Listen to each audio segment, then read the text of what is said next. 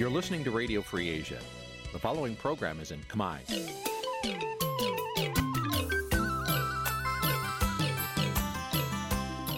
នេះជាកម្មវិធីផ្សាយ Vuthu Azizi Serai នេះជាកម្មវិធីផ្សាយរបស់ Vuthu Azizi Serai ជាភាសាខ្មែរ Vuthu Azizi Serai សូមស្វាគមន៍លោកអ្នកនាងទាំងអស់ពីរដ្ឋធានី Washington នៃសហរដ្ឋអាមេរិក។ ជាប្រធានាធិបតី Washington នាងខ្ញុំម៉ៅសុធានីសូមជម្រាបសួរលោកអ្នកស្ដាប់ទាំងអស់ជាទីមេត្រីចាយើងខ្ញុំសូមជូនការផ្សាយសម្រាប់ព្រឹកថ្ងៃពុធ11កើតខែពិសាឆ្នាំខាលចត្វាស័កពុទ្ធសករាជ2565ហើយដល់ត្រូវនៅថ្ងៃទី11ខែឧសភាគ្រិស្តសករាជ2022ចាជាដំបូងនេះសូមអញ្ជើញលោកអ្នកនាងកញ្ញាស្ដាប់ព័ត៌មានប្រចាំថ្ងៃដែលមានមេត្តាដូចតទៅ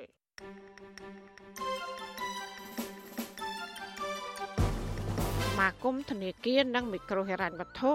ថាបណ្ដឹងរបស់អង្គការសង្គមស៊ីវិលនឹងធ្វើឲ្យប៉ះពាល់ដល់មុខមាត់វិស័យនេះ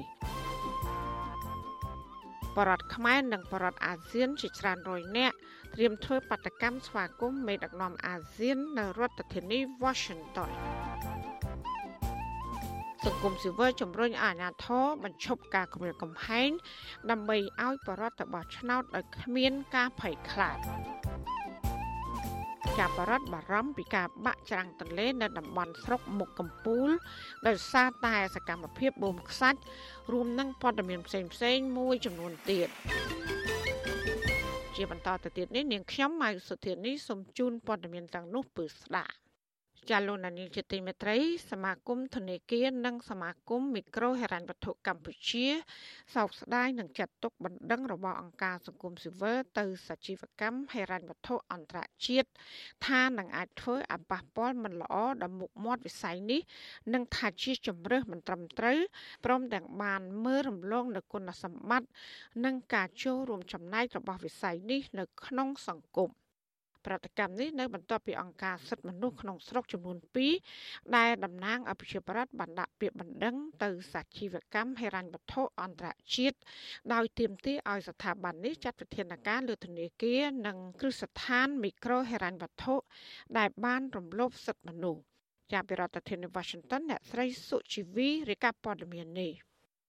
សមាគមធនាគារនិងសមាគមមីក្រូហិរញ្ញវត្ថុ បញ្ជាក់ថាស្ថាប័នទាំងនេះតែងយកចិត្តទុកដាក់ចំពោះមតិរិះគន់ដើម្បីស្ថាបនា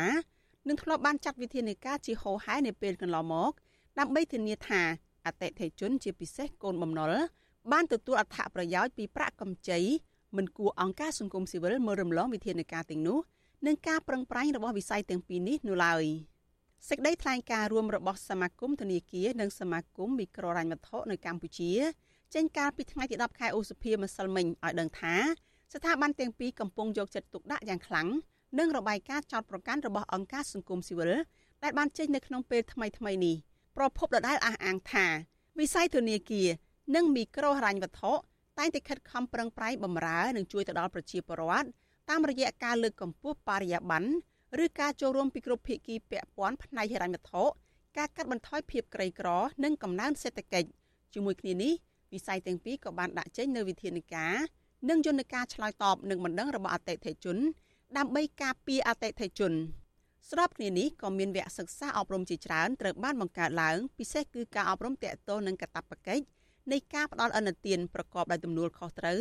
ដែលតម្រូវឲ្យមន្ត្រីផ្ដល់អនុទានពីគ្រឹះស្ថានធនាគារនិងហិរញ្ញវត្ថុចូលរួមបន្ថែមពីនេះសមាគមនៃវិស័យទាំងពីរនេះទទួលស្គាល់ថា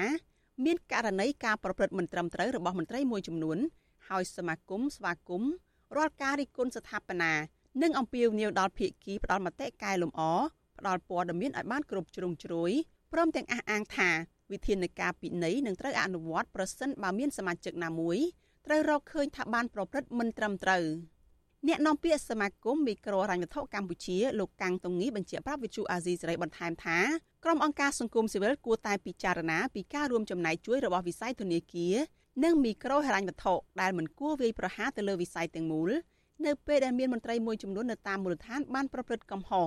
យើងមិនយល់ស្របជាមួយនឹងវិធីដែលខាងសង្គមស៊ីវិលគាត់ធ្វើណាដោយសារតែបុគ្គលឬក៏ដោយសារតែស្ថាប័នណាមួយដែលគាត់រកឃើញថាគាត់ប្រព្រឹត្តកំហុសខុសឆ្គងប៉ុន្តែការវាយតម្លៃរបស់យើងការផ្សព្វផ្សាយយើងបែរជាថាវិស័យទាំងមូលហ្នឹងវាប្រឈមនឹងបញ្ហាវារំលោភ សិទ្ធិអតិជនគណៈដែលកាប់ពិតជាក់ស្ដែងបើយើងមើលនៅមូលដ្ឋានទោះថាប្រសិនបើអត់មានសេវាហិរញ្ញភុកក្នុងរយៈពេល20 30ឆ្នាំចុងក្រោយនេះតើអត្រាប្រជាពលរដ្ឋយើងដែលស្ថិតនៅក្រោមភាពក្រីក្រគឺស្ថិតនៅក្នុងកម្រិតណាប្រសិនបើអត់មានសេវាហិរញ្ញភុកដែលមានអត្រាការប្រាក់សមរម្យទេប្រជាជនយើងនឹងទៅខ្ចីបុលធ្វើខ្ចីអនុទានទីណាដើម្បីប្រកបអាជីវកម្មពង្រីកអាជីវកម្មរបស់ពួកគាត់ណា វិទ្យុអាស៊ីសេរីមិនអាចសុំការបញ្ជាក់បន្ថែមពីអ្នកនាំពាក្យសមាគមធនាគារបានទេនៅយប់ថ្ងៃទី10ខែឧសភាតែទោះជាយ៉ាងណាប្រធាននាយកប្រតិបត្តិនៃធនាគារអេស៊ីលីដាលោកអិនចាន់នីលើកឡើងកាលពីថ្ងៃទី5ខែឧសភាថាអង្គការសង្គមស៊ីវិលតែងចេញរបាយការណ៍និយាយមិនល្អពីការផ្ដល់ប្រាក់កម្ចីរបស់ធនាគារនិងគ្រឹះស្ថានមីក្រូហិរញ្ញវត្ថុនៅរដូវបោះឆ្នោតម្ដងម្ដងលោកយល់ថាការប្តឹងនេះហាក់ខុសគោលដៅព្រោះលោកយល់ថាករណីនេះ អតិថិជនឬក៏ពលរដ្ឋអាចប្តឹងមកស្ថាប័នដែលពួកគេខ្ចីលុយឬប្តឹងទៅធនាគារជាតិរបស់កម្ពុជាលោកថាធនាគារអេស៊ីលីដាមានយន្តការការពារសិទ្ធិកូនបំណុលដោយនៅតាមសាខានានាមានកន្លែងទទួលពាក្យបណ្ដឹងរបស់អតិថិជន ហើយមន្ត្រីរបស់ធនាគារតែងរំលឹកប្រាប់ទៅពលរដ្ឋពីសិទ្ធិរបស់ពួកគេរាល់ពេលផ្ដល់ប្រាក់កម្ចីលោកឲ្យដឹងទៀតថាប្រសិនបើមានបុគ្គលិកធនាគាររូបណាត្រូវរកឃើញថារំលោភសិទ្ធិរបស់អតិថិជន ឬគំរាមកំហែងអតិថិជនធនាគារនឹងចាត់វិធានការភ្លាមអង្គការចំនួន2គឺអង្គការលីកាដូនិងអង្គការសមត្ថៈដែលតំណាងឲ្យពលរដ្ឋជួបបញ្ហាដោយសារតែប្រាក់កម្ចីបានដាក់បណ្ដឹងទៅសាជីវកម្មហិរញ្ញវត្ថុអន្តរជាតិហៅកាត់ថា IFC ឲ្យចាត់វិធានការលើធនាគារនិងគ្រឹះស្ថានមីក្រូហិរញ្ញវត្ថុចំនួន6ដែលរងការចោទប្រកាន់ថាបានរំលោភបំពានសិទ្ធិមនុស្ស និងការរំលោភបំពានលើបទដ្ឋានអនុវត្តស្តង់ដារលើប្រាក់កម្ចីអនុទានខ្នាតតូចនៅកម្ពុជាមូលហេតុពលរដ្ឋប្តឹងបែបនេះព្រោះស្ថាប័នផ្ដល់ប្រាក់កម្ចីទាំងនេះបានបង្ខំពលរដ្ឋដែលជាកូនបំណុលឲ្យលក់ដីលក់ផ្ទះនិងបង្កឲ្យមានពលកម្មកុមារចំណាក់ស្រុកនិងការរំលោភសិទ្ធិមនុស្សផ្សេងផ្សេងទៀតគ្រឹះស្ថានមីក្រូហិរញ្ញវត្ថុនិងធនាគារចំនួន6នោះរួមមានធនាគារអេស៊ីលីដាធនាគារហាត់ថាធនាគារស្ថាបនាគ្រឹះស្ថានមីក្រូហិរញ្ញវត្ថុអមរិត គ្រឹះស្ថានមីក្រូហិរញ្ញវត្ថុ LOLC និងគ្រឹះស្ថានមីក្រូហិរញ្ញវត្ថុប្រាសាក់ស្ថាប័នទាំង6នេះរួមគ្នាកាន់កាប់ប្រាក់កម្ចីខ្នាតតូចទូទាំងប្រទេសប្រមាណ75%នាយកទទួលបន្ទុកកិច្ចការទូតទៅនៃអង្គការលីកាដូលោកអំសំអាតឆ្លើយតបនឹងការលើកឡើងរបស់សមាគមធនាគារនិងមីក្រូហិរញ្ញវត្ថុនៅកម្ពុជានេះថានេះជាលើកទី4ហើយដែលអង្គការសង្គមស៊ីវិលបានចេញរបាយការណ៍ពីការរកឃើញករណីរំលោភសិទ្ធិមនុស្សប៉ុន្តែមិនទទួលបានការចាត់វិធានការ ដែលអាចដោះស្រាយបញ្ហាសម្រាប់ពលរដ្ឋឡើយលោកថាស្ថាប័ននីមួយៗគឺជាអ្នកទទួលខុសត្រូវនៅរាល់ទង្វើខុសឆ្គងរបស់បុគ្គលិកឬសមាជិកខ្លួនលោកថាចាំបាច់ណាស់ដែលវិស័យធនាគារនិងមីក្រូហិរញ្ញវត្ថុត្រូវកែប្រែជាប្រព័ន្ធទើបអាចបញ្ជៀសករណីរំលោភសិទ្ធិមនុស្សនៅក្នុងវិស័យនេះបានសង្គមស៊ីវិលយើងមិនចង់ឲ្យកែបុគ្គលទេព្រោះកែបុគ្គលមួយបុគ្គលមួយអាចមានទៀតអញ្ចឹងយើងចង់ឲ្យកែជាប្រព័ន្ធដើម្បីឲ្យមានធានានៃការគ្រប់គ្រង ឲ្យបានច្បាស់លាស់ណាអញ្ចឹងគោលការណ៍នៃមីក្រូហិរញ្ញវត្ថុឬក៏ធនាគារដែលផ្ដល់កម្ចីយើងទទួលជាគោលការណ៍សាជីវកម្មអន្តរជាតិក្តីដែលផ្ដល់កម្ចីមកមីក្រូហិរញ្ញវត្ថុឬក៏ខាងធនាគារហ្នឹងគឺគោលបំណងលើកកម្ពស់ជីវភាពរស់នៅរបស់ប្រជាពលរដ្ឋប៉ុន្តែរឿងការរំលោភទៅលើសិទ្ធិរបស់គាត់គឺរឿងដាច់ដライមួយទៀតពីព្រោះនៅក្នុងគោលការណ៍របស់គេគឺគេហាមឃាត់តកតងនឹងការប្រព្រឹត្តដោយអ សិលធម៌ឬក៏ការរំលោភសិទ្ធិទៅលើអតិថិជន កាលពីឆ្នាំ2021អង្គការលីកាដូរកឃើញថា វិស័យមីក្រូហិរញ្ញវត្ថុនៅកម្ពុជាកំពុងធ្វើឲ្យមានការរំលោភសិទ្ធិមនុស្សនៅក្នុងភូមិជាច្រើនអង្គការនេះឲ្យដឹងទៀតថាពលរដ្ឋដែលជាកូនបំណុលទាំងនោះបានបង្ខំចិត្តខ្ចីប្រាក់ពីអ្នកចងការឯកជនកាត់បន្ថយការបរិភោគអាហារលក់ទ្រព្យសម្បត្តិលក់ដី មានពលកម្មកុមារកុមារបោះបង់ចោលការសិក្សា ភាពតានតឹងនៅក្នុងគ្រួសារបញ្ហាដំណេកនិងការធ្វើចំណាក់ស្រុកដោយសារតែបញ្ហាបំណុលនាងខ្ញុំសុជីវីវិទ្យុអាស៊ីសេរីពីរដ្ឋធានី Washington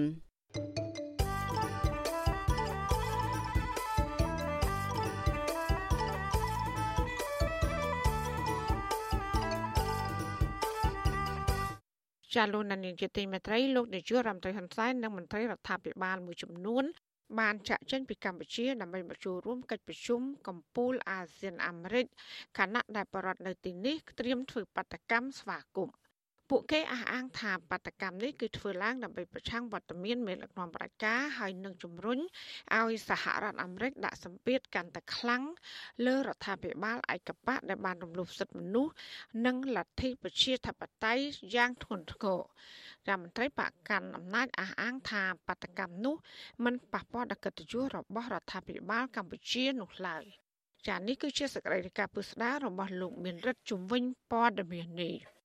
លោកនាយរដ្ឋមន្ត្រីហ៊ុនសែនបានដឹកនាំមន្ត្រីរដ្ឋាភិបាលមួយចំនួនធ្វើដំណើរចាក់ចេញពីកម្ពុជាហើយនៅព្រឹកថ្ងៃទី10ខែឧសភាដើម្បីទៅចូលរួមកិច្ចប្រជុំកំពូលពិសេសអាស៊ានអាមេរិកនិងរំលឹកខួបលើកទី45នៃទំនាក់ទំនងដៃគូសន្តិនិកអាស៊ានអាមេរិកនៅរដ្ឋធានី Washington ចាប់ពីថ្ងៃទី12ដល់ថ្ងៃទី13ខែឧសភាក្រសួងការបរទេសកម្ពុជាបានចេញសេចក្តីប្រកាសព័ត៌មានកាលពីថ្ងៃទី9ខែឧសភាថា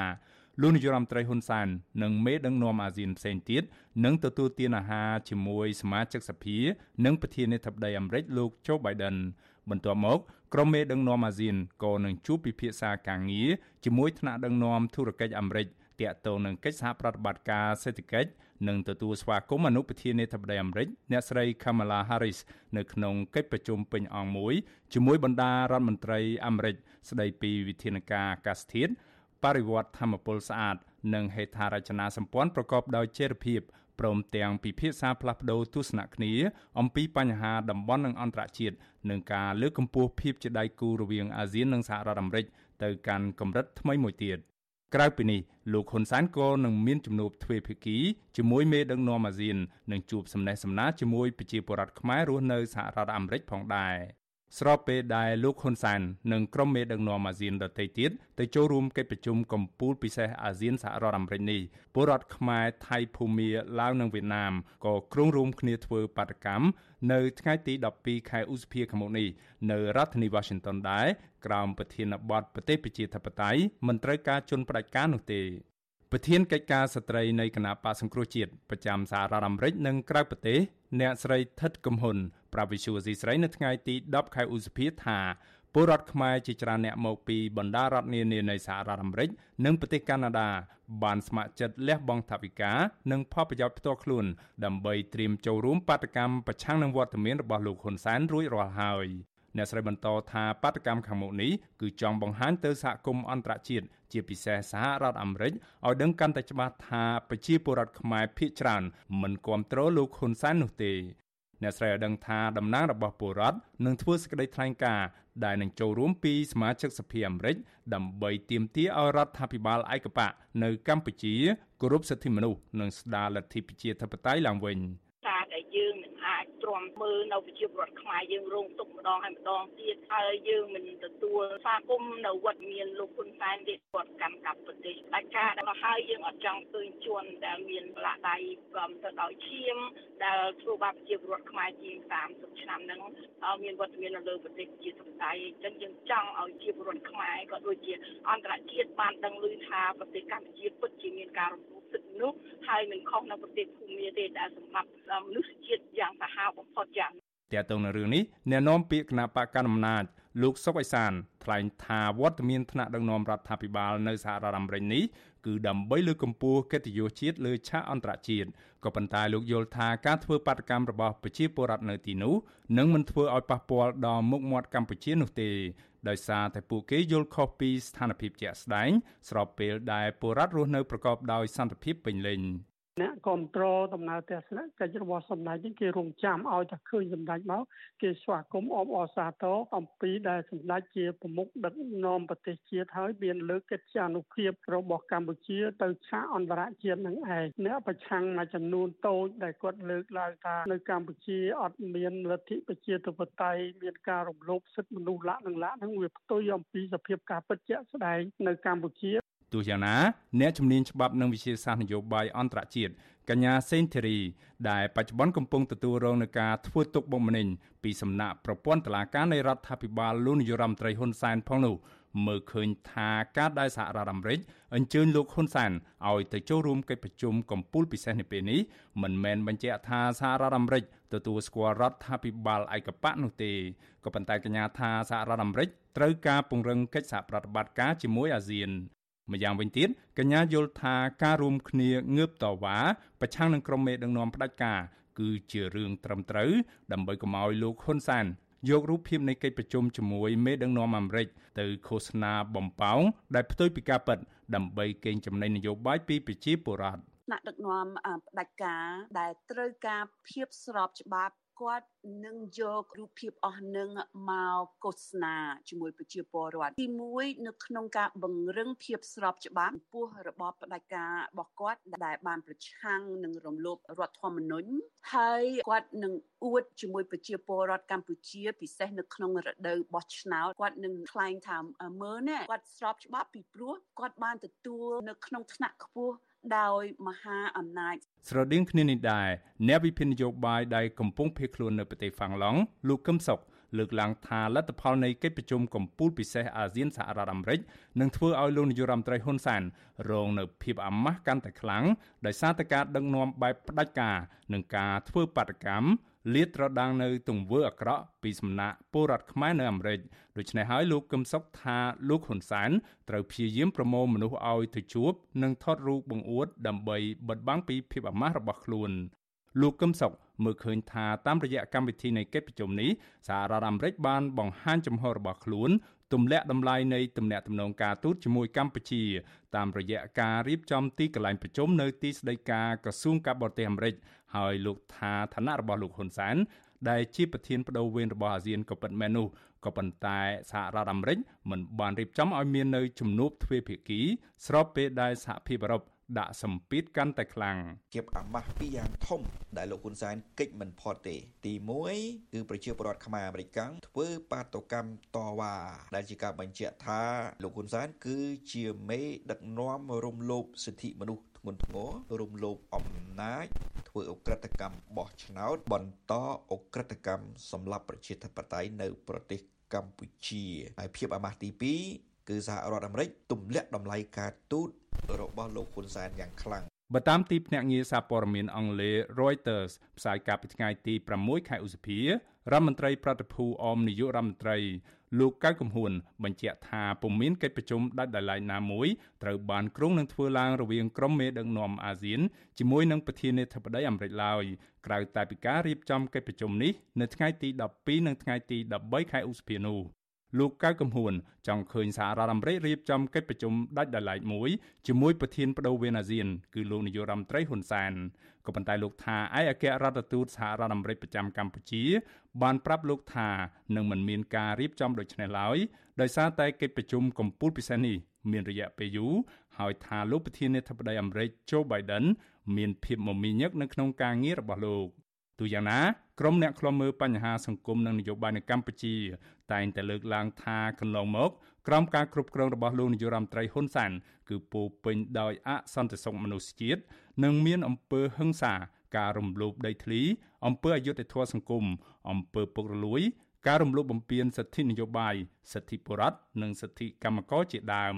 ម្យ៉ាងវិញទៀតស្នាដៃលេចធ្លោនិងក៏ក្រើកពេញពិភពលោករបស់លោកហ៊ុនសែននៅក្នុងរយៈពេលប្រមាណឆ្នាំចុងក្រោយនេះគឺការបើកយុទ្ធនាការកំទេចគណៈបពប្រឆាំងដែលមានសង្ឃឹមឈ្នះឆ្នោតតែមួយគត់នៅកម្ពុជានិងបង្ក្រាបលើសម្លេងរិះគន់ឥតឈប់ឈររហូតមកទល់ពេលនេះទង្វើរបស់រដ្ឋាភិបាលលោកហ៊ុនសែនទៀតសោតធ្វើឲ្យសហគមន៍ជាតិនិងអន្តរជាតិព្រមទាំងប្រទេសប្រជាធិបតេយ្យមិនឲ្យតម្លៃនិងជាប់ឈ្មោះអាក្រក់លើឆាកអន្តរជាតិ ពូកែខាងរំលោភសិទ្ធិមនុស្សនិងលទ្ធិប្រជាធិបតេយ្យខ្ញុំបានមេរិត Visual C ស្រីរាយការណ៍ពីរដ្ឋធានី Washington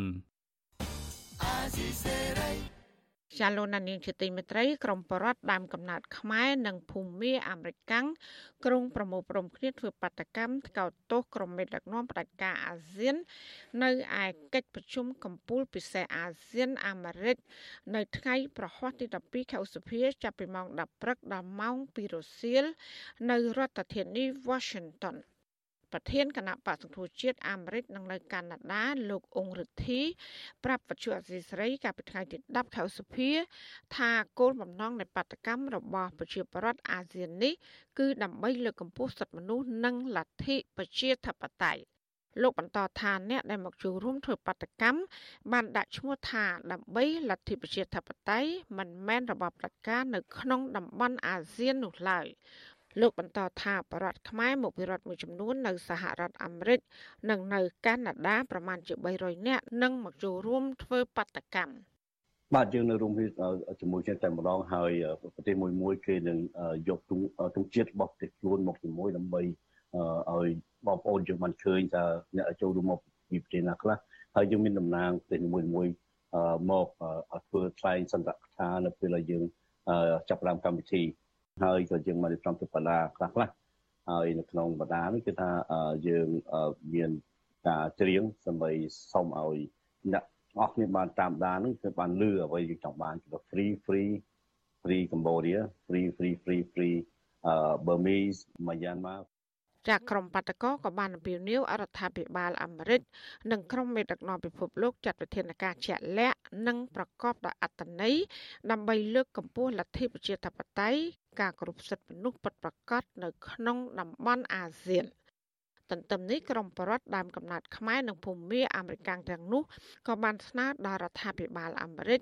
ឲ្យដាក់ចេញនូវបំរាមផ្ដាល់សភាវុធដល់របបសឹកភូមានិងរបបលោកហ៊ុនសែនព្រមទាំងតនកម្មសេដ្ឋកិច្ចប្រឆាំងនឹងក្រុមហ៊ុននិងស្ថាប័នហិរញ្ញវត្ថុឬក៏ប្រទេសទាំងឡាយណា ដែលជួយទ្រទ្រង់ដល់របបទាំងពីរនេះ។ ចាពួកគេក៏បានអំពាវនាវដល់ប្រទេសចិនឲ្យបញ្ឈប់ជាបន្ទាន់នៃការទទួលស្គាល់ផ្នែកនយោបាយចំពោះរបបសឹកភូមិខុសច្បាប់ដោយងាកមកគ្រប់គ្រងរដ្ឋាភិបាលរួមរួមជាតិនៃប្រទេសភូមិដែលជារដ្ឋាភិបាលស្របច្បាប់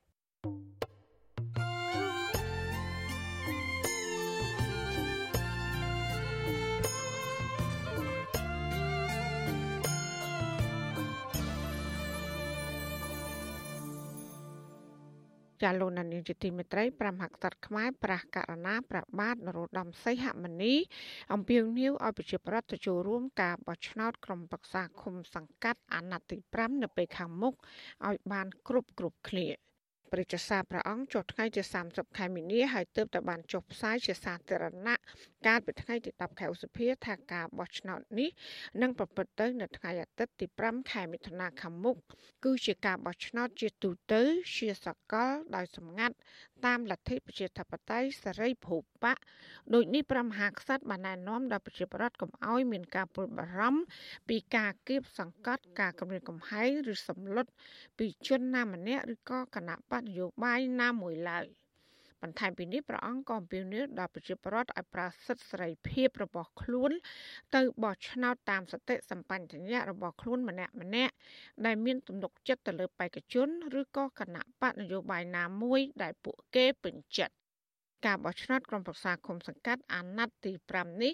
នឹងប្រព្រឹត្តទៅនៅថ្ងៃអាទិត្យទី5ខែមិថុនាដែលមានគណៈបញ្ញោបាយចូលរួមការបោះឆ្នោតសរុបចំនួន17គណៈបក ក្នុងចំណោមគណៈបកនយោបាយទាំងអស់នោះគឺមានគណៈបកធំធំចំនួន4ដែលមានបេក្ខជនចូលឈ្មោះ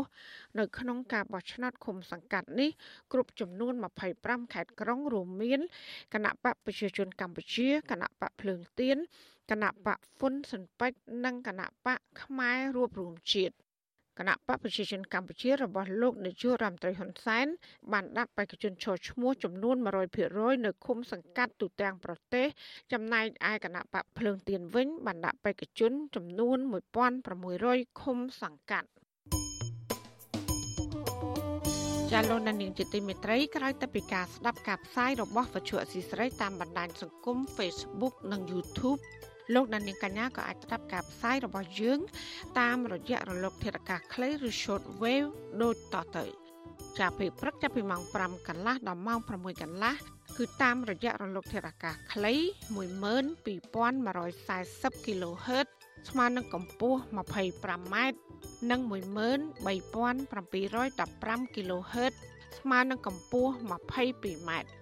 ចាសម្រាប់ពេលយប់វិញគឺចាប់ពីម៉ោង7កន្លះដល់ម៉ោង8កន្លះ គឺតាមរយៈរលកធាតុអាកាសខ្លី9960 kHz ស្មើនឹងកម្ពស់ 30m 12140 kHz ស្មើនឹងកម្ពស់ 25m ហើយនឹង11885 kHz ស្មើនឹងកម្ពស់ 25m ចាសសូមអរគុណ ចាលោកនានីជាទីមេត្រីពាក់ព័ន្ធនឹងការបោះឆ្នោតនេះដែរមន្ត្រីសង្គមស៊ីវិលជំរុញឲ្យអាជ្ញាធរបញ្ឈប់ការគម្រាមកំហែងផ្នែកនយោបាយនៅមុនការបោះឆ្នោត ដើម្បីឲ្យប្រជាប្រដ្ឋទៅបោះឆ្នោតដោយគ្មានការភ័យខ្លាចនៅទន្ទឹមនេះដែរមន្ត្រីរដ្ឋាភិបាលក៏ចង់ឃើញបរិយាកាសល្អមុនការបោះឆ្នោតនេះដែរក៏ប៉ុន្តែស្នើកុំឲ្យយកការអនុវត្តផ្លូវច្បាប់ ទៅលើសកម្មជនគណៈបកនយោបាយថាជារឿងនយោបាយ ចាប់ពីរដ្ឋធានី Washington អ្នកស្រីសុជីវីមានសេចក្តីរាយការណ៍ដាច់ដライមួយទៀតជុំវិញបញ្ហានេះមន្ត្រីសង្គមស៊ីវិលលើកឡើងថាការចោទប្រកាន់ការចាប់ខ្លួនសកម្មជននយោបាយដែលកើតឡើងលើសកម្មជនគណៈបកប្រឆាំងគៀកថ្ងៃបោះឆ្នោតមិនបង្កបរិយាកាសល្អសម្រាប់ការបោះឆ្នោតនោះទេពួកគេចង់ឃើញការបោះឆ្នោតមួយធ្វើឡើងដោយសេរីត្រឹមត្រូវយុត្តិធម៌និងគ្មានការបំផិតបំភ័យលើស្មារតីសកម្មជននយោបាយនិងពលរដ្ឋជាម្ចាស់ឆ្នោត នាយកប្រតិបត្តិអង្គការឃ្លាំមើលការបោះឆ្នោតនៅកម្ពុជាហៅកាត់ថា Netflix លោកសំគុណធីមីលើកឡើងថាការដាក់សម្ពាធលើសកម្មជននយោបាយដោយការគៀបសង្កត់គម្រាមកំហែងបានធ្វើឲ្យសកម្មជននយោបាយទាំងនោះមិនអាចចូលរួមការបោះឆ្នោតបានដោយសេរីនិងយុត្តិធម៌នោះទេលោកថាបញ្ហានេះធ្វើឲ្យដំណើរការបោះឆ្នោតមិនអាចដំណើរការទៅបានដោយរលូនដោយច្បាប់ចែងនោះទេ សកម្មភាពហ្នឹងវាប៉ះពាល់ដល់ដំណើរការបោះឆ្នោតដោយសេរីត្រឹមត្រូវយុត្តិធម៌នេះណាដាក់សម្ពាធទៅលើគណៈបកទៅលើសកម្មជនដែលគេចូលរួមគណៈបកនោះគេមានគេមានបានធ្វើសកម្មភាពចូលរួមគណៈបកដោយសេរីត្រឹមត្រូវណាស្រដៀងគ្នានេះដែរនាយកទទួលបន្ទុកកិច្ចការទូតនៃអង្គការលីកាដូលោកអំសំអាតមានប្រសាសន៍ថាការរក្សាស្ថានភាពបានល្អមុនការបោះឆ្នោតនិងក្នុងពេលបោះឆ្នោតនឹងផ្ដល់ផលចំណេញដល់កម្ពុជា លោករំលឹកថា ការបោះឆ្នោតកន្លងទៅ ក្រមប្រទេសលោកសេរី បានរិះគន់និងដាក់សម្ពាធលើរដ្ឋាភិបាលដូច្នេះលោកយល់ថាបើការបោះឆ្នោតឆ្នាំ2022និងឆ្នាំ2023ខាងមុខមានដំណើរការបានល្អ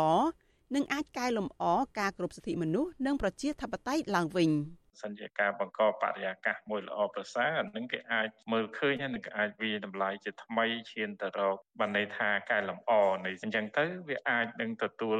ស្គាល់ទៅលើបញ្ហាផ្សេងផ្សេងឬក៏អាចទទួលបានផលចំណេញផ្នែកពាណិជ្ជកម្មឬក៏ផ្នែកផ្សេងផ្សេងទៀតសម្រាប់កម្ពុជាយើងបាទតកតងនឹងការលើកឡើងរបស់មន្ត្រីអង្គការសង្គមស៊ីវិលបែបនេះវិទ្យុអាស៊ីសេរី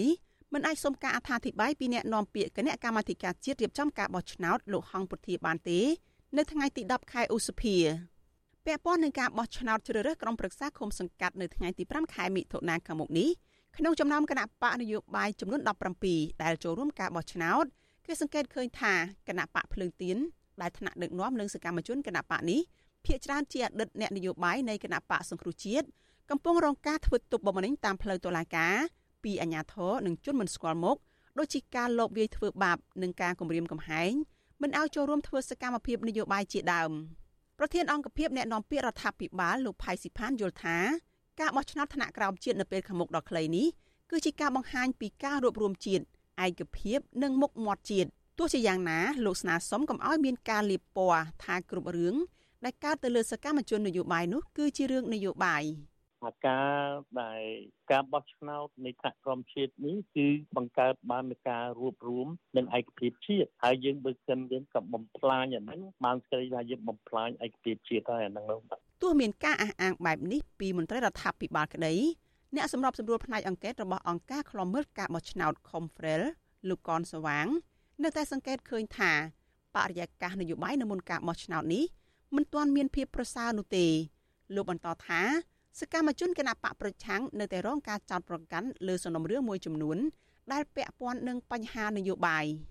ទី1គឺឃើញថាថ្នាក់ដឹកនាំរបស់គណៈបកដែលត្រូវបានរំលាយដោយតុលាការកំពូលហ្នឹងគឺថាមិនទាន់បានកាត់ក្តីនេះទេហើយមានអ្នកនយោបាយមួយចំនួនហ្នឹងនៅជាប់នៅក្នុងបំរាមនៅឡើយណាបាទករណីទី2យើងឃើញថាសកម្មជនមួយចំនួនហ្នឹងត្រូវបានហៅមកសើរើរឿងករណីឡើងវិញណាករណីពីមុនមកឡើងវិញ ចំណុចទី3គឺយើងឃើញមានរបស់អតីតគណៈបកដែលនយោបាយនៅក្រៅស្ថាប័នហ្នឹងទទួលរងនៅការបកករបួសស្នាមជុំវិញដំណើរការនៃការបោះឆ្នោតនេះដែរកាលពីពេលថ្មីថ្មីនេះក្រុមសមាជិកសភាអឺរ៉ុបប្រមានថានឹងព្យួរទាំងស្រុងនៅប្រព័ន្ធអនុគ្រោះពាណិជ្ជកម្ម EBA ប្រសិនបើរកឃើញថាការបោះឆ្នោតនៅពេលខាងមុខនេះមានភាពអយុត្តិធម៌សមាជិកសភាអឺរ៉ុបជំរុញឲ្យក្រុមប្រឹក្សាអឺរ៉ុប ឃ្លាំមើលស្ថានភាពនៅកម្ពុជា ជាពិសេសការបោះឆ្នោតនៅពេលខាងមុខដើម្បីធានាថាគ្មានការរំលាយគណៈបកភ្លើងទៀនដោយការរំលាយគណៈបកសង្គ្រោះជាតិកាលពីឆ្នាំ2017កន្លងទៅនាងខ្ញុំសុជីវីវិទ្យុអាស៊ីសេរីពីរដ្ឋធានី Washington ចាលោកនាងកញ្ញាកំពុងស្ដាប់ការផ្សាយរបស់វិទ្យុអាស៊ីសេរីផ្សាយចេញពីរដ្ឋធានី Washington ចាសកម្មជននយោបាយវ័យចំណាស់មួយរូបគឺលោកគង់សំអាន បានតស៊ូដើម្បីបុព្វហេតុជាតិនិងផលប្រយោជន៍សង្គមអស់រយៈពេលរាប់សិបឆ្នាំមកហើយរហូតដល់ធ្លាក់ខ្លួនជាអ្នកទោសនយោបាយដែលកំពុងជាប់ឃុំក្នុងពន្ធនាគារតើលោកគង់សំអាន មានប្រវត្តិតស៊ូយ៉ាងដូចម្តេចខ្លះចាសសេចក្តីរាយការណ៍ពីស្ដាមពីរឿងនេះលោកណានៀងនឹងបានស្ដាប់នាពេលបន្តិចទៀតនេះចាសសូមអរគុណ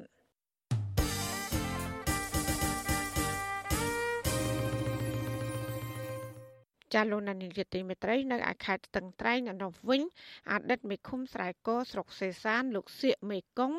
ឲ្យដឹងថាមានជនមិនស្គាល់មុខបានបំផ្លាញស្លាកគណៈបកភ្លើងទៀនមួយផ្ទាំងទៀតនៅក្នុងឃុំស្រែកកាលពីយប់ថ្ងៃទី9ខែឧសភា ចាបេក្ខជនមេឃុំស្រែគោគណៈបកភ្លើងទៀនលោកសៀកមេកុងប្រាប់បច្ចុប្បន្នស្រីថាស្លាកសញ្ញាគណៈបកភ្លើងទៀនចំនួន3ផ្ទាំងហើយនៅក្នុងខេត្តនេះត្រូវបានជន់មិនស្គាល់មុខលួចបំផ្លាញចោលដោយសមត្ថកិច្ចនៅពុំទាន់ចាប់ខ្លួនជនដៃដល់ណាម្នាក់នៅឡើយទេលោកថាជនអនាមិកធ្វើសកម្មភាពនៅពេលយប់ហើយដែលពិបាកស៊ើបអង្កេតរកមុខជនប្រព្រឹត្ត លោកចាត់ទុកថាសកម្មភាពនេះជាចេតនាគម្រាមកំហែងលើស្មារតីនយោបាយរបស់ពួកលោកដែលកំពុងធ្វើសកម្មភាពជាមួយនឹងគណៈបកភ្លើងទៀនក៏ឲ្យញាធោទាំងអស់លំដាប់ថាគួរតែសហការគ្នារក្សាភាពយុទ្ធធម៌ទាំងអស់គ្នាទៅដើម្បីយើងប្រកួតគ្នាតាមបែបលទ្ធិប្រជាធិបតេយ្យទៅដោយស្មើមុខស្មើមាត់ដើម្បីឲ្យឆាកអន្តរជាតិគេមើលឃើញថាប្រទេសកម្ពុជានឹងកាន់យករបបប្រជាធិបតេយ្យពិតប្រាកដមែនដល់អញ្ចឹងឲ្យគេសរសើរទៅ អានេះជាការបន្លាចទេបន្លាចរបស់ខ្ញុំប៉ុន្តែយើងសូមបញ្ជាក់នៅក្នុងនាមយើងតំណាងឲ្យគណៈបកប្រឆាំងមួយរូបដែលយើងតស៊ូ20ឆ្នាំជាងហើយយើងមិនដែលបាក់ស្មារតីនេះជាបច្ចុប្បន្នស៊ីស្រីនៅមិនតាន់អាចតតងសុំការបំភ្លឺរឿងនេះពីអភិបាលខេត្តតឹងត្រែងលោកស្វាយសំអាង បាននៅឡើយទេ កាលពីថ្ងៃទី10ខែឧសភាដោយសារតែទូរស័ព្ទហៅចូលច្រើនដងតែគ្មានអ្នកលើកលោកនាយករដ្ឋមន្ត្រីហ៊ុនសែននិងរដ្ឋមន្ត្រីក្រសួងមហាផ្ទៃលោកសខេងសុទ្ធតែបានណែនាំឲ្យអាជ្ញាធរថ្នាក់ក្រោមការពារសុវត្ថិភាពរបស់បេក្ខជនឈរឈ្មោះនៅក្នុងការបោះឆ្នោតឃុំសង្កាត់និងបង្កបរិយាកាសឲ្យបានល្អជៀសវាងការប្រើអំពើហិង្សាទាំងរាយកាយនិងពាក្យសម្ដី ដើម្បីធានាឲ្យការបោះឆ្នោតខាងមុខប្រព្រឹត្តទៅដោយសេរីត្រឹមត្រូវនិងយុត្តិធម៌ ក៏ប៉ុន្តែរហូតមកដល់ពេលនេះនៅតែមានសកម្មភាពគម្រាមកំហែងនិងការបំផ្លាញស្លាកគណៈបកដតីទៀតក្រៅតែពីគណៈបកកាន់អំណាចដដែលអ្នកសង្កេតការថាសម្ដីរបស់លោកសខេនិងលោកហ៊ុនសែនគឺជាសម្ដីខ្យល់និយាយឲ្យគ្រាន់តែពីរោះស្ដាប់ប៉ុណ្ណោះ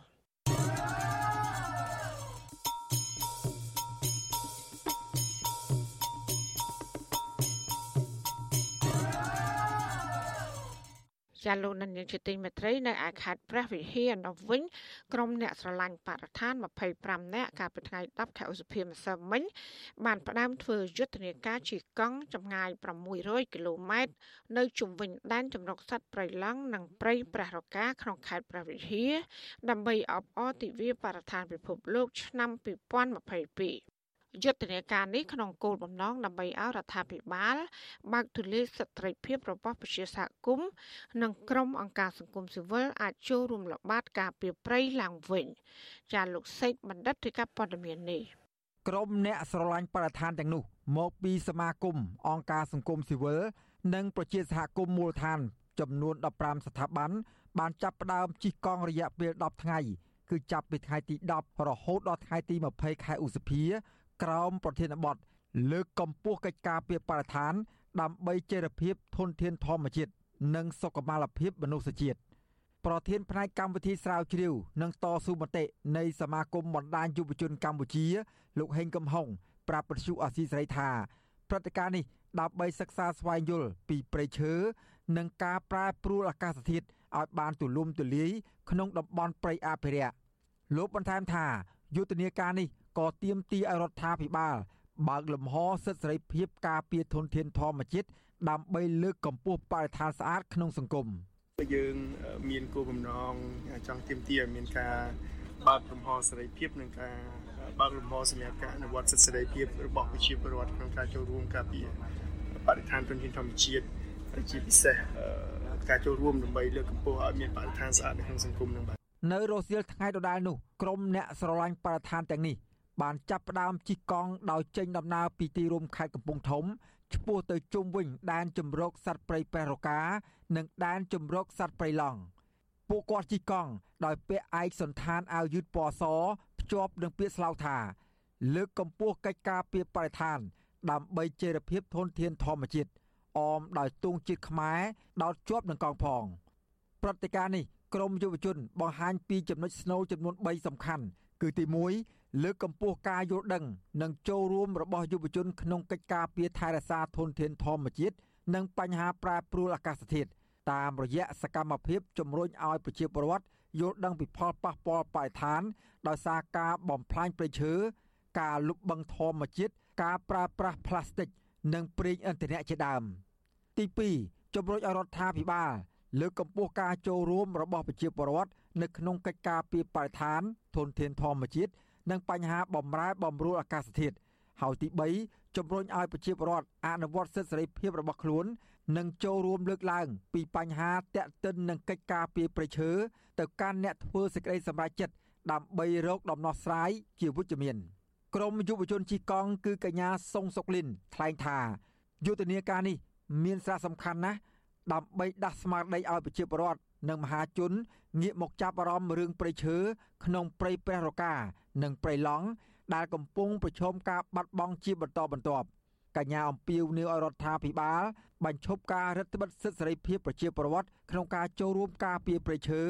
ព្រោះទង្វើនេះនឹងធ្វើឲ្យព្រៃឈើកាន់តែបាត់បង់ថែមទៀតរារាំងពួកគាត់មិនឲ្យចូលទៅល្បាតឬក៏មិនឲ្យចូលទៅបោះតង់កេងលេងនៅក្នុងប្រាការចូលទៅយើងទៅសិក្សាពីព្រៃហ្នឹងក៏គាត់រារាំងមិនឲ្យយើងចូលអញ្ចឹងខ្ញុំចង់ផ្ដាំទៅរាជរដ្ឋាភិបាលបើកទលេរឿងហ្នឹងឡើងឆ្លើយតបនឹងការលើកឡើងនេះ អ្នកនាំពាក្យក្រសួងបរិស្ថានលោកនិតភត្រា មានប្រសាសន៍ថាយុទ្ធនាការជិះកង់របស់ក្រមយុវជន គឺជាសិទ្ធិរបស់ពួកគាត់តែត្រូវធ្វើឡើងស្របតាមច្បាប់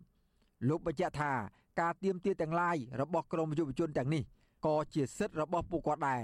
ប៉ុន្តែត្រូវអនុវត្តតាមកិច្ចព្រមព្រៀងនិងកិច្ចសន្យាការងារ ជាមួយនឹងក្រសួងសម័យយោងតាមច្បាប់ស្តីពីតំបន់ការពារធម្មជាតិយើងស្វាគមន៍រាល់ការចូលរួមរបស់អង្គការក្រៅរដ្ឋាភិបាលក៏ដូចជាប្រជាពលរដ្ឋចូលរួមនៅក្នុងការការពារនិងអភិរក្សធនធានធម្មជាតិតែត្រូវតែចូលរួមនៅក្នុងភាពមួយដែលត្រឹមត្រូវតាមច្បាប់ហើយស្មោះត្រង់ហើយនឹងធ្វើកិច្ចការងារប្រកបដោយភាពជាដៃគូបាទមិនមែនធ្វើឡើងនៅក្នុងបរិបទមួយដែលមានការលាក់លៀមឬក៏មានរបៀបវិរៈនយោបាយពីក្រោយខ្នងទេជុំវិញរឿងនេះ សមាជិកក្រុមស្នូលនៃបណ្ដាញសមាគមប្រៃឡង់ប្រចាំខេត្តកំពង់ធំ លោកមិញនីចាត់ទុកយុទ្ធនាការនេះថា ជារឿងល្អដើម្បីដាស់អារម្មណ៍ប្រជាពលរដ្ឋនិងក្រុមយុវជនឲ្យគិតពីបញ្ហាប្រៃឈើក្នុងដែនអភិរក្សដែលកំពុងទទួលរងការគំរាមកំហែងលោកសង្កេតឃើញថា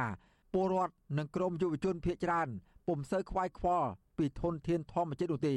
ហើយបច្ចុប្បន្នមានយុវជនតិចតួចប៉ុណ្ណោះ ដែលលះបង់ចូលរួមការពារព្រៃឈើបាទព្រៃឈើយើងវានគ្រូដូចស្ថានភាពសពថ្ងៃនេះកំពុងតែគេហៅថាវិនិស្សកម្មហើយរាល់មួយថ្ងៃទៅមួយថ្ងៃគឺកាប់បន្តរហូតដូចជាព្រៃឡង់ព្រៃព្រៃប្រះកាយព្រៃជាមានមន្ត្រីឈរជើងតាមច្រករបៀងយ៉ាងណាក៏ដោយក៏មិនត្រាំទេនៅតែមានការកាប់ក្រមយុវជនបន្ថែមថាពួកគាត់ជិះកង់ធ្វើយុទ្ធនាការនៅខេត្តកំពង់ធំពុំមានអាជ្ញាធររារាំងនោះទេ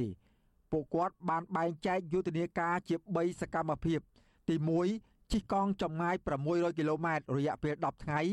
ទី2យុទ្ធនាការតាមបណ្ដាញសង្គមដើម្បីផ្សព្វផ្សាយបញ្ហាព្រៃឈើនិងការប្រែប្រួលអាកាសធាតុនិងសកម្មភាពទី3រៀបចំសិក្ខាសាលាធំមួយនៅក្នុងរាជធានីភ្នំពេញដើម្បីលើកកម្ពស់កិច្ចការពារធនធានធម្មជាតិមកទល់នឹងពេលនេះក្រសួងបរិស្ថានមិនអនុញ្ញាតឲ្យប្រជាសហគមន៍ចូលរួមល្បាតព្រៃក្នុងតំបន់អភិរក្សជិត3ឆ្នាំមកហើយ ប៉ុន្តែប្រជាសហគមន៍អះអាងថា ចំពោះអ្នកកាប់ឈើនិងអ្នកដឹកឈើខុសច្បាប់ចេញពីព្រៃឡង់និងព្រៃព្រះរកាអាចចូលព្រៃបានដោយងាយផ្ទុយពីអ្នកការពារព្រៃឈើខ្ញុំបាទសេកបណ្ឌិតពុទ្ធសុអាស៊ីសេរីពីរដ្ឋធានីវ៉ាស៊ីនតោន ចាលោកអ្នកស្ដាប់ទទីមេត្រីពាក់ព័ន្ធនឹងការបូមខ្សាច់វិញប្រជាពលរដ្ឋរស់នៅតាមដងទន្លេមេគង្គអះអាងថាច្រាំងទន្លេនៅតំបន់ស្រុកមុខកំពូលខេត្តកណ្ដាល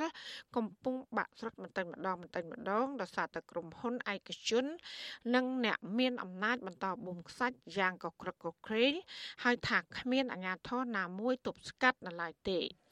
ចាអ្នកជំនាញនិងសកម្មជនបរិស្ថានលើកឡើងថាបើរដ្ឋាភិបាលបណ្ដាច់បណ្ដោយឲ្យមានសកម្មភាពបូមខ្សាច់បែបនេះគឺនឹងធ្វើឲ្យពួកមច្ឆានិងធនធានជីវៈចម្រុះក្នុងទឹកទន្លេហិនហោចនៅរយៈពេលដ៏ខ្លីខាងមុខនេះចាសសូមលោកនាងស្ដាប់សកម្មភាពរបស់លោកទីនសាការីយ៉ាអំពីរឿងនេះដូចតទៅ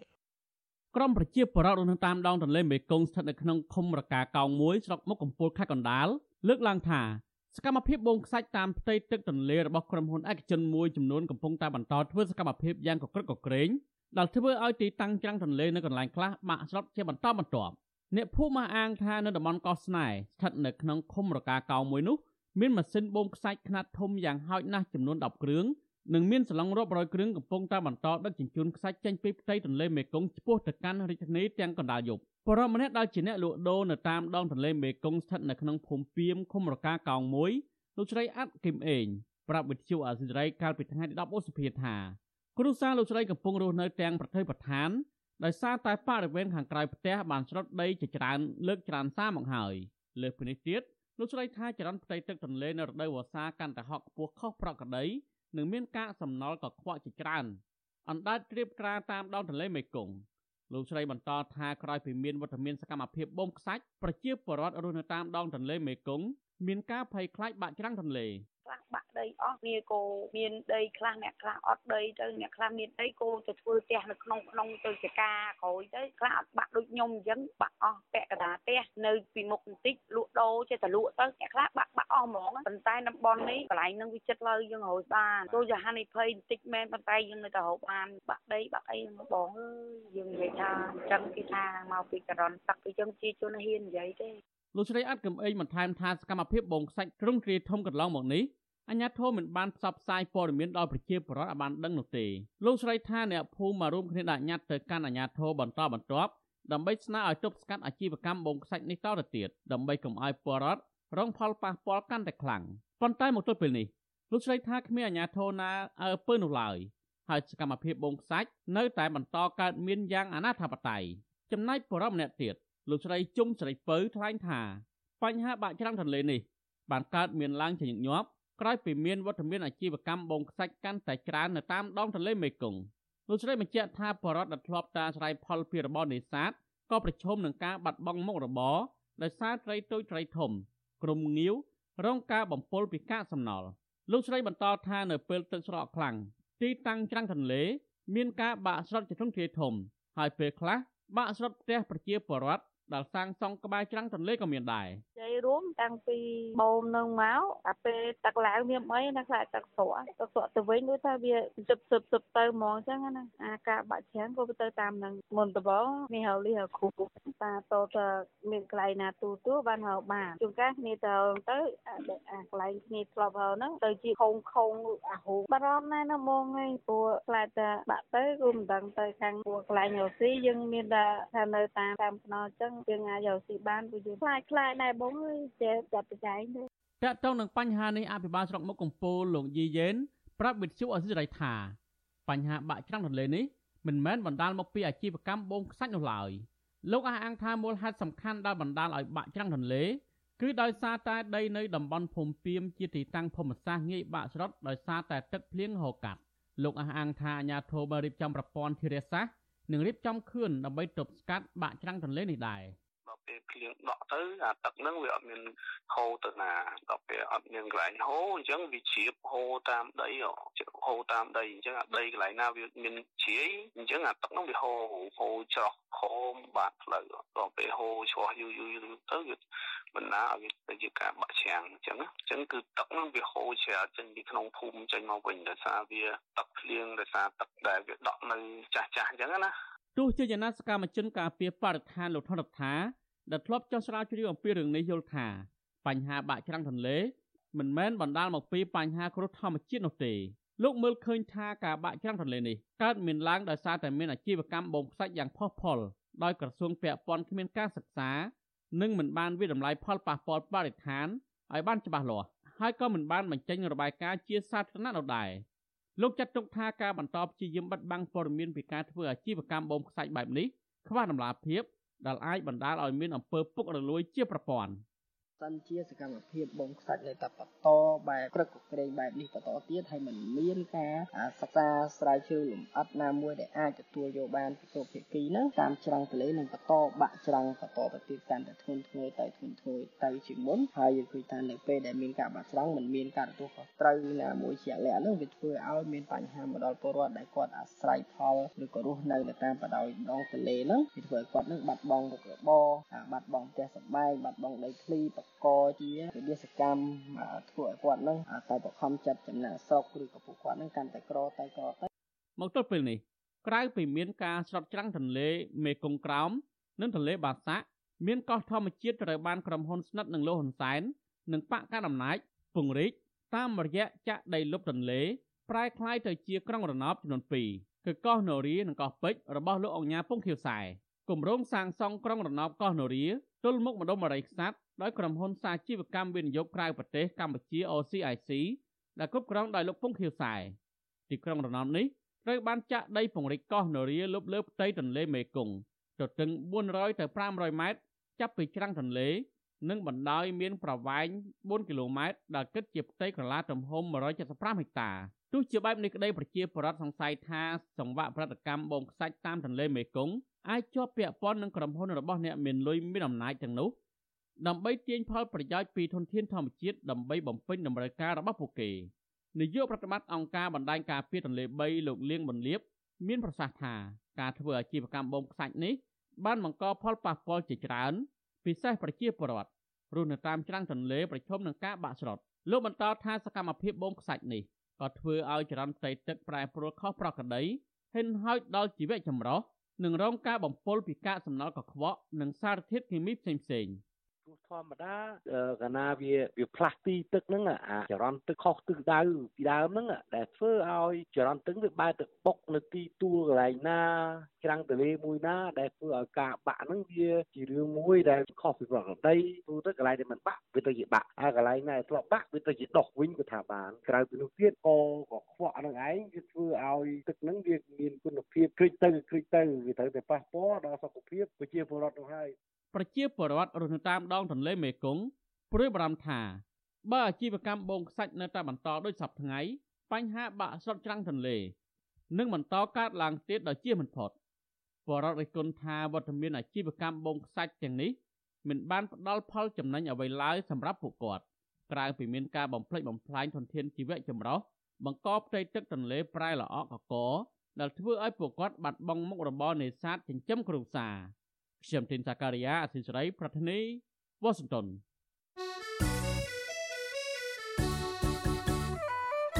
ចាលោកនាងជាទីមេត្រីក្នុងឱកាសនេះដែរនាងខ្ញុំសូមថ្លែងអំណរគុណ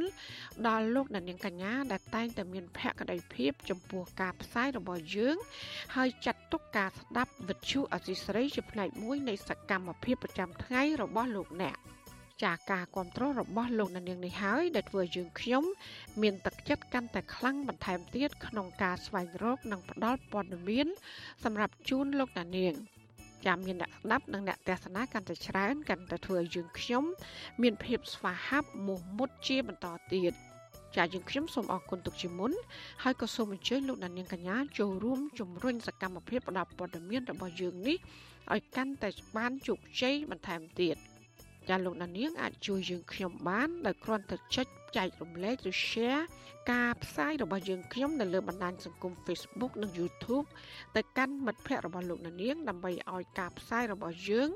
បានទៅដល់មនុស្សកាន់តែច្រើនចាសសូមអរគុណ ចាលោកណានីជាទីមេត្រីសកម្មជននយោបាយវ័យចំណាស់មួយរូបគឺលោកគង់សំអាន បានតស៊ូដើម្បីបុព្វហេតុជាតិនិងផលប្រយោជន៍សង្គមអរយៈពេលរាប់សិបឆ្នាំមកហើយរហូតដល់ធ្លាក់ខ្លួនជាអ្នកទោសនយោបាយដែលកំពុងជាប់ឃុំក្នុងពន្ធនាគារ ទោះបីជាបែបនេះក្តីលោកមិនស្ដាយចំពោះការតស៊ូលះបង់នៅពេលកន្លងមក ហើយលោកនៅតែមានការបដិញ្ញាចិត្តបន្តជីវិតនយោបាយជាមួយនឹងគណៈបពប្រឆាំងដើម្បីស្ដារលទ្ធិប្រជាធិបតេយ្យឡើងវិញតើលោកគង់សំអាន មានប្រវត្តិយ៉ាងដូចម្ដេចខ្លះចាប់ពីរដ្ឋធានី Washington លោកយ៉ងច័ន្ទរារាយការណ៍ពុស្ដាអំពីរឿងនេះ សមាជិកគណៈបកសង្គ្រោះជាតិនៅខេត្តត្បូងឃ្មុំលោកគង់សំអាន គឺជាមនុស្សស្លូតបូតចេះជួយអ្នកដទៃស្នេហាជាតិនិងចង់បានលទ្ធិប្រជាធិបតេយ្យពិតប្រាកដនេះបើតាមការអះអាងពីប្រពន្ធរបស់លោកគឺលោកស្រីអៀបសួរលោកស្រីឲ្យដឹងថាលោកគង់សំអាន គឺជាអតីតគ្រូបង្រៀនបឋមសិក្សាដែលទទួលបានការគោរពស្រឡាញ់ពីប្រជាពលរដ្ឋនៅក្នុងមូលដ្ឋានលោកស្រីបញ្ជាក់ថាប្តីលោកស្រីមិនដែលមានចំនួនជាមួយនរណានោះទេ ហើយគាត់បានចំណាយពេលវេលាច្រើននៅក្នុងការងារអប់រំនិងការងារសង្គមផ្សេងផ្សេងទៀតកូនសិស្សណាដែលគាត់បានរៀនជាមួយគាត់កូនសិស្សនោះគេអាណិតស្រឡាញ់គេអាសូរគាត់ណាមកគួរណាមកចាប់កន្លែងគង់សម្អានគ្រូគាត់ឆ្លូតបោតកូនសិស្សគេនិយាយចឹងលោកស្រីបន្តថាលោកគង់សំអានមិនដែលគិតប្រយោជន៍ផ្ទាល់ខ្លួននោះទេ តែផ្ទុយទៅវិញលោកតែងតែខ្វាយខ្វល់ផលប្រយោជន៍រួមជាធំ ជាពិសេសលោកស្អប់អំពើអយុត្តិធម៌សង្គមលោកស្រីបន្តទៀតថាដោយសារតែបែបនេះហើយទើបប្តីលោកស្រីតែងតែចូលរួមនៅក្នុងយុទ្ធនាការផ្សេងផ្សេងដែលគ្រប់គ្រងដល់អ្នកស្រឡាញ់ប្រទេសជាតិនិងប្រជាធិបតេយ្យលោកគង់សំអាន មានអាយុ70ឆ្នាំនិងមានដើមកំណើតនៅខេត្តព្រៃវែងលោកគឺជាសមាជិកក្រុមប្រឹក្សាស្រុកមេមត់ជាប់ឆ្នោតនៃគណៈបកសង្គ្រោះជាតិលោកមានកូនចំនួន2នាក់ស្រីទាំងពីរដោយកូនច្បងមានអាយុ31ឆ្នាំនិងកូនទី2មានអាយុ16ឆ្នាំ លោកមានចំណេះដឹងផ្នែកភាសាអង់គ្លេសនិងភាសាបារាំងទាំងសរសេរនិងអានអញ្ញាធរបានចាប់ខ្លួនលោកកុងសំអានកាលពីដើមខែកញ្ញាឆ្នាំ2020ពាក់ព័ន្ធនឹងការចូលរួមទាមទារឲ្យដោះលែងអ្នកការពារសិទ្ធិមនុស្សលោករងឈុនអញ្ញាធរបានចោទប្រកាន់និងផ្ដន់ទោសលោកដាក់ពន្ធនាគាររយៈពេល20ខែពីបទញុះញង់ឲ្យមានភាពវឹកវរធ្ងន់ធ្ងរដល់សន្តិសុខសង្គមដោយគ្នាទៅនឹងក្រុមយុវជនខ្មែរថាវរៈដែរតែតុលាការតម្រូវឲ្យលោកជាប់ឃុំចំនួន14ខែហើយទោសដែលនៅសល់ត្រូវព្យួរ ទោះជាយ៉ាងណាអាជ្ញាធរមិនបានដោះលែងលោកនោះទេនៅពេលលោកជាប់ឃុំគ្រប់ចំនួនកំណត់ពីព្រោះលោកជាប់ទោសនៅក្នុងសំណុំរឿងមួយផ្សេងទៀតនៅឯតុលាការខេត្តត្បូងឃ្មុំតុលាការខេត្តនេះបានកាត់ទោសលោកគង់សំអានដាក់ពន្ធនាគារចំនួន7ឆ្នាំពីបទរួមគំនិតក្បត់ពាក់ព័ន្ធទៅនឹងការគ្រប់គ្រងដំណើរមាតុភូមិនិវត្តរបស់ប្រធានស្ដីទីគណៈបកសង្គ្រោះជាតិលោកសំរងស៊ីកាលពីថ្ងៃទី9វិច្ឆិកាឆ្នាំ2019សំណុំរឿងនេះមានជនជាប់ចោតសរុប7នាក់ ក៏ប៉ុន្តែមានតែលោកគង់សំអានតែម្នាក់ប៉ុណ្ណោះដែលកំពុងជាប់ឃុំខណៈអ្នកផ្សេងទៀតបានរត់ភៀសខ្លួនទៅក្រៅប្រទេសឬត្រូវបានដោះលែងនៅក្រៅឃុំជាដើម លោកស្រីអៀបសួរមានប្រសាសន៍ថាប្តីលោកស្រីបានដឹងខ្លួនច្បាស់ថាគេនឹងចាប់ខ្លួនគាត់ពីព្រោះកន្លងទៅឃើញមានអ្នកតាមដានខ្លំមើលជាហោហែក៏ប៉ុន្តែគាត់មិនដែលមានក្តីបារម្ភនោះទេដោយសារអ្វីអ្វីដែលគាត់បានធ្វើនាពេលកន្លងទៅនោះគឺដើម្បីជួយដល់ប្រជាពលរដ្ឋរងគ្រោះលោកស្រីរិះគន់ការចាប់ខ្លួននិងការផ្ដន់ទោសប្តីលោកស្រីកន្លងមកនេះថាជារឿងអយុត្តិធម៌សម្រាប់អ្នកស្នេហាជាតិគាត់និយាយប្រាប់ខ្ញុំហើយប្រាប់កូនកូនថាថ្ងៃណាមួយគេចាប់ខ្ញុំទៅហើយប៉ុន្តែខ្ញុំអត់អីទេ ព្រោះអីខ្ញុំខុសអត់មានខុសអីកណាបន្តិចទេរឿងអីមកចាប់គាត់ដល់ពេលគេមកចាប់ទៅគេឲ្យទៅបំភ្លឺមិនមែនទៅចាប់ប្រមងទេដេកាក៏គ្មានទីមិនចាប់យកគាត់ទៅដល់ពន្ធនាគារសមាជិកគណៈបកភ្លើងទៀនប្រចាំខេត្តត្បូងឃ្មុំលោកស៊ូយៀនថ្លែងថាលោកធ្លាប់បានធ្វើការងារជាមួយនឹងលោកគង់សំអាន តាំងពីនៅគណៈបកសំរងស៊ីរហូតមកដល់គណៈបកសង្គ្រោះជាតិដែលត្រូវបានរដ្ឋាភិបាលរំលាយចោល លោកឲ្យដឹងថាលោកគង់សំអាន គឺជាមនុស្សម្នាក់ដែលគួរឲ្យគោរពនិងឧស្សាហ៍ជួយអ្នកដទៃអតីតអ្នកទោសនយោបាយរូបនេះរិះគន់ថាតុលាការមិនគួរចោទប្រកាន់លោកគង់សំអាន ទាំងអយុត្តិធម៌បែបនេះឡើយវាជារឿងនយោបាយហើយមិនគួរបកកាន់អំណាចទាំងយកដៃគូប្រកួតនឹងទៅចាប់ដាក់ពន្ធនាគារមកធ្វើជាចំណាប់បាំងហើយខ្លួនដោយសុកលើកំណត់ទុកអ្នកដទៃយើងអត់ចង់បានអញ្ចឹងទេយើងចង់ឲ្យជាគីខ្មែរនិងខ្មែរចេះដោះស្រាយបញ្ហាកុំយក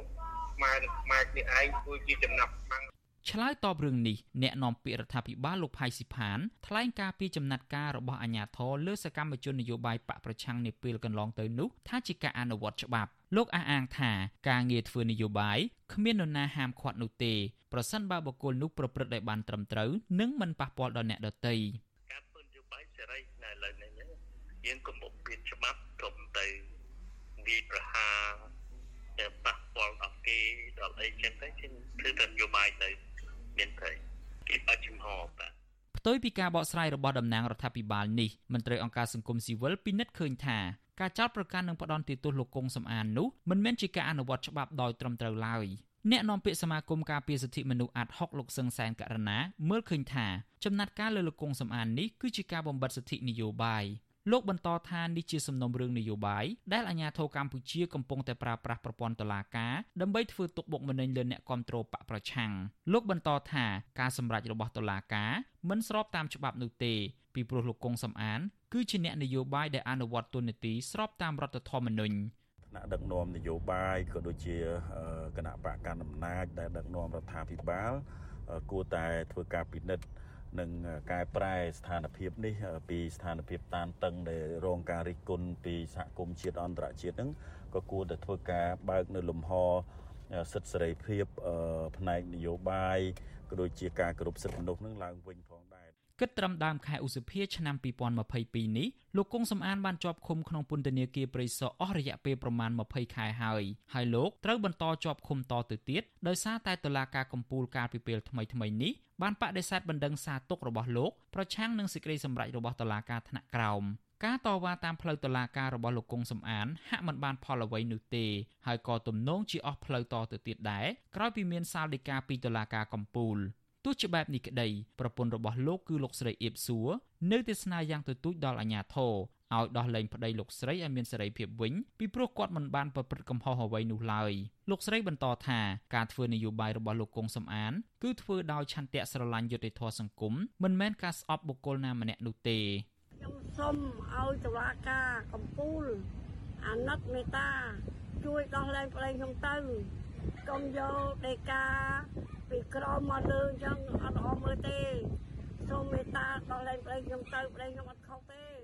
លោកស្រីអៀបសួរមានប្រសាសន៍បន្ថែមថាគ្រួសារព្រួយបារម្ភជាខ្លាំងចំពោះសុខទុក្ខរបស់លោកកុងសំអាននៅក្នុងពន្ធនាគារពីព្រោះលោកមានវ័យកាន់តែចាស់និងមានជំងឺប្រចាំកាយផងក៏ប៉ុន្តែសម្រាប់លោកគង់សំអានឯណោះវិញលោកនៅតែរក្សាជំហរមិនចោះញោមនិងចង់បន្តការងារជាប្រយោជន៍ដល់សង្គមជាតិតទៅទៀត លោកស្រីបញ្ជាក់ថានៅពេលចេញពីពន្ធនាគារវិញលោកគង់សំអាននឹងបន្តជីវភាពនយោបាយជាមួយគណៈបកប្រឆាំងតទៅទៀតដើម្បីចូលរួមស្ដារលទ្ធិប្រជាធិបតេយ្យនៅកម្ពុជាឲ្យរស់ឡើងវិញ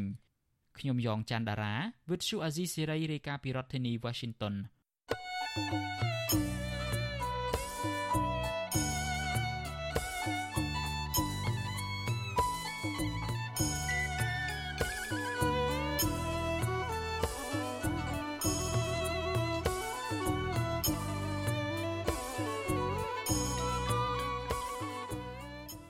ចាលោកលានាងកញ្ញាអ្នកស្ដាប់ជាទីមេត្រីការផ្សាយរយៈពេល1ម៉ោងរបស់វិទ្យុអាស៊ីស្រីជាភាសាខ្មែរនៅពេលនេះចាប់តែប៉ុណ្ណេះចាយើងខ្ញុំទាំងអស់គ្នាសូមជូនពរលោកលានាងនិងក្រុមគ្រួសារទាំងអស់សូមជួបប្រកបតែនឹងសេចក្តីសុខសេចក្តីចម្រើន ជានិរន្តរ៍ចានាងខ្ញុំម៉ៅសុធានីព្រមទាំងក្រុមការងារទាំងអស់របស់អាស៊ីស្រីសូមអរគុណនិងសូមជម្រាបលា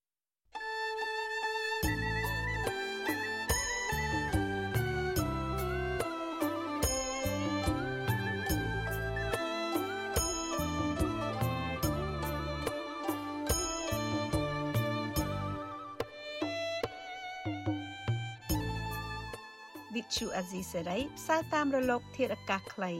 ឬ short wave តាមកម្រិតនិងកម្ពស់ដូចតទៅនេះពេលព្រឹកចាប់ពីម៉ោង5កន្លះដល់ម៉ោង6កន្លះតាមរយៈរលក ធាតុអាកាសខ្លី12140 kHz ស្មើនឹងកម្ពស់ 25m និង13715 kHz ស្មើនឹងកម្ពស់ 22m ពេលយប់ចាប់ពីម៉ោង7កន្លះដល់ម៉ោង8កន្លះតាមរយៈរលកធាតុអាកាសខ្លី 9960 kHz ស្មើនឹងកម្ពស់ 30m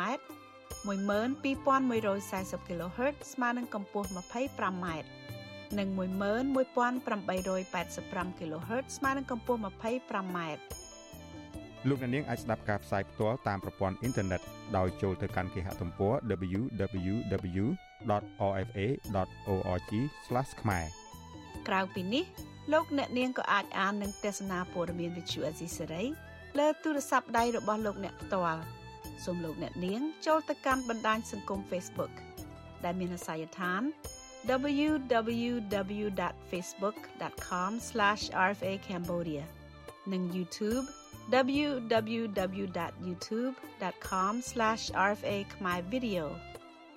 សូមលោកអ្នកនាងចុច like និងចុច Subscribe ដើម្បីទទួលបានព័ត៌មានថ្មីៗទាន់ហេតុការណ៍និងទស្សនាវីដេអូផ្សេងៗទៀត បានគ្រប់ពេលវេលា។